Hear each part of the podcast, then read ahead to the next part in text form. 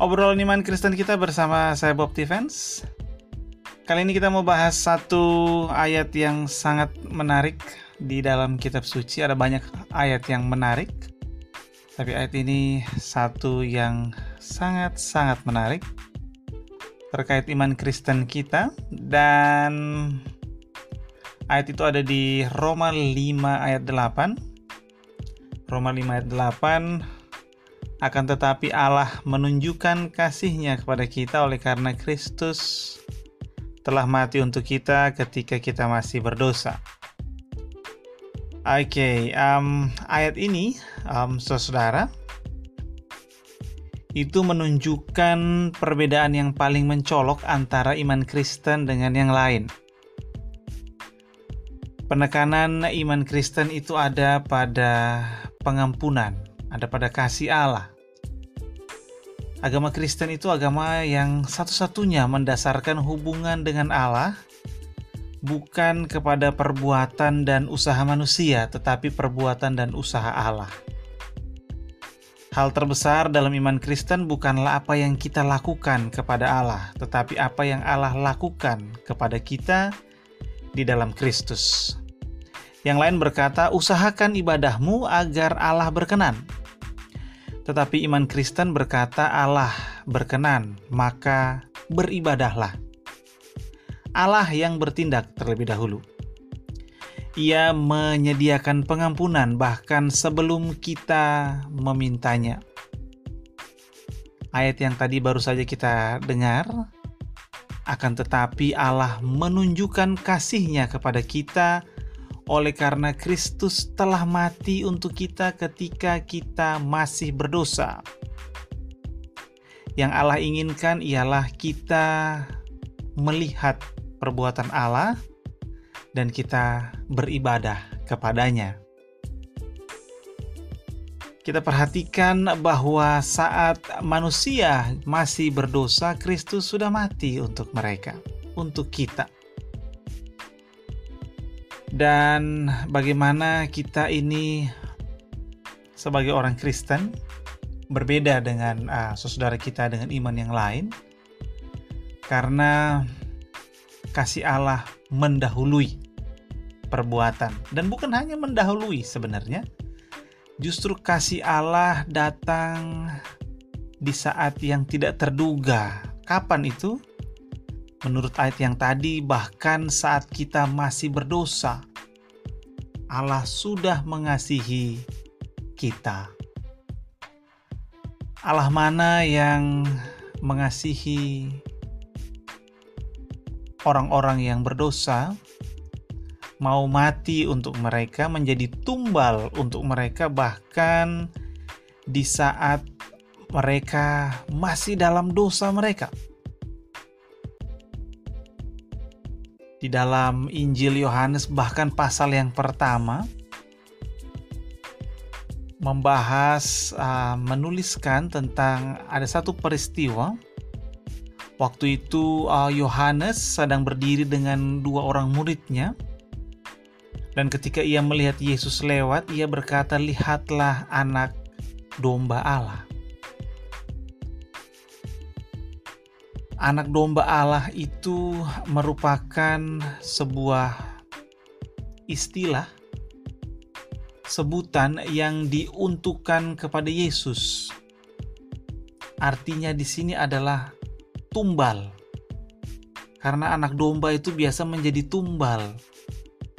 Orang yang buat-buat salah, dia datang beribadah dengan dia membawa korban persembahan sehingga kesalahan itu ditimpakan kepada anak domba ini menjadi tumbal dan anak domba ini yang disembelih sebagai ganti daripada orang itu. Jadi yang dihukum bukan orang itu tetapi anak domba. Anak domba Allah berarti Allah yang menyediakan anak domba itu. Nah, sampai di sini kita lihat bahwa Allah menyediakan. Allah menyediakan. Kita bahkan tidak memikirkannya, tetapi Allah justru menyediakan. menyediakan tumbal bagi dosa-dosamu dan dosa-dosaku. Tumbal itu sendiri kan artinya dia menjadi pengganti posisi yang tidak enak. Pengganti posisi hukuman. Itu tumbal. Yang seharusnya kena batunya aku, tetapi dia menjadi kena batu. Harusnya saya kok malah jenengan istilahnya begitu. Yesus menjadi tumbal itu artinya anak domba Allah. Jadi tumbal bagi dosa-dosa manusia. Nah, di dalam Injil ada satu peristiwa di mana Yesus itu sedang berhadapan dengan seorang lumpuh. Dan waktu itu orang lumpuh itu menghadap Yesus dia um, Tuhan Yesus ini sedang um, berada di kerumunan. Jadi bukan ada peristiwa yang um, privat privasi artinya Yesus lagi sendiri orang lumpuh ini datang bukan ini ada di kerumunan orang artinya banyak orang mendengar dan dari orang-orang yang mendengar ini ada beberapa orang yang mengerti kitab suci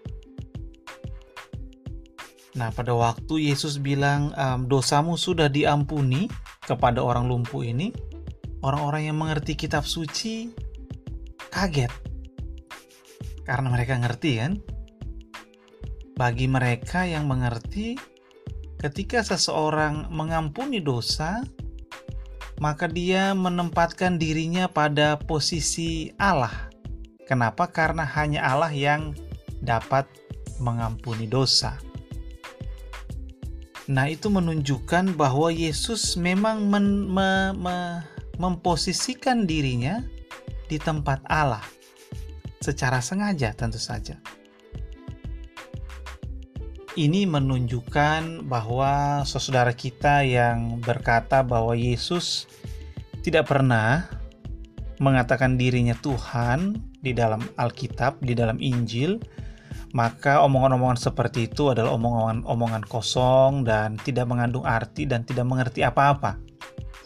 Karena sesungguhnya di dalam Injil ada banyak kali Yesus menempatkan diri sebagai Allah, menyatakan diri sebagai Allah, tetapi tentu saja tidak dengan bahasa kita sekarang, tapi dengan bahasa yang dimengerti oleh orang-orang pada waktu itu. Dan dalam peristiwa ini, Orang-orang yang mengerti kitab suci tahu bahwa Yesus sedang menyatakan dirinya sebagai Allah.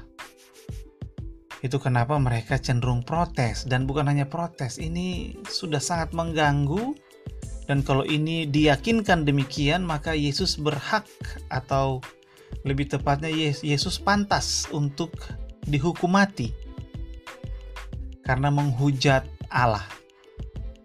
Nah, karena itu kemudian Yesus berkata, "Tetapi supaya kamu tahu bahwa di dunia ini anak manusia berkuasa mengampuni dosa." Berkatalah ia kepada orang lumpuh itu, "Kepadamu kukatakan, bangunlah, angkatlah tempat tidurmu dan pulanglah ke rumahmu." Dan kemudian orang lumpuh itu bangun dan pulang ke rumahnya. Dia sembuh seketika itu juga. kata yang dipakai untuk mengampuni dosa di sana itu adalah apiemi yang biasa diartikan membiarkan, meninggalkan, menyerahkan, bercerai, membatalkan, mengampuni. Pada waktu iblis diusir oleh Yesus, enyah langkau iblis ketika pencobaan di padang gurun, maka iblis itu pergi meninggalkan Yesus. Nah, kata pergi meninggalkan itu api Emi. Demikian juga ketika para murid di tepi Danau Galilea dipanggil untuk mengikut Yesus, maka mereka meninggalkan jala mereka di sana. Karena waktu itu mereka sedang um, mengambil uh, malam-malam mereka pergi uh, menjala ikan dan pagi mereka pulang jadi terus masih dengan jala mereka yang belum uh, dibersihkan dan dilipat dengan perahu mereka, dengan uh, orang tua mereka, papa mereka. Tapi ketika Yesus memanggil, mereka meninggalkan semua pekerjaan, jala, dan orang tua mereka juga. Artinya meninggalkan bukan tidak menghormati, tetapi ya sudah aku pergi ke sini ya, tidak lagi bekerja bersama orang tua di situ. Nah, kata meninggalkan di situ juga um, apiemi. Jadi di, bisa dikatakan bahwa Yesus ini Tuhan kita itu uh, apiemi menggambarkan bahwa punya kuasa untuk membuat dosa kita ini pergi, hilang, tidak berbekas dan tidak akan kembali. Menghapus, mengampuni dosa kita. Nah, itu um, Tuhan Yesus sebagai anak domba Allah, sebagai tumbal, dia diutus hidup di dunia untuk menjadi tumbal, menghapus dosa dunia. Inilah anak domba Allah yang menghapus dosa dunia. Itu kuasa Tuhan Yesus untuk mengampuni dosa, dia mati menjadi tumbal. Nah, saudara, perbedaan yang mencolok ini bahwa Kristus telah mati ketika kita masih berdosa adalah ciri daripada iman Kristen kita. Kita berbangga bahwa Allah itu bukanlah Allah yang menuntut tanpa dia mengerjakan apa-apa. Bukan Allah yang jauh, yang kita harus um, berusaha dengan sangat keras supaya jarak ini yang jauh ini bisa semakin terasa agak dekat. Allah bukan hanya dekat, Dia datang menjadi manusia. Kekristenan mengakui bahwa Allah menjadi manusia, menjadi tumbal bagi dosa-dosa manusia. Dengan demikian, maka ibadah yang kita lakukan sebagai orang Kristen bukanlah ibadah untuk mendapatkan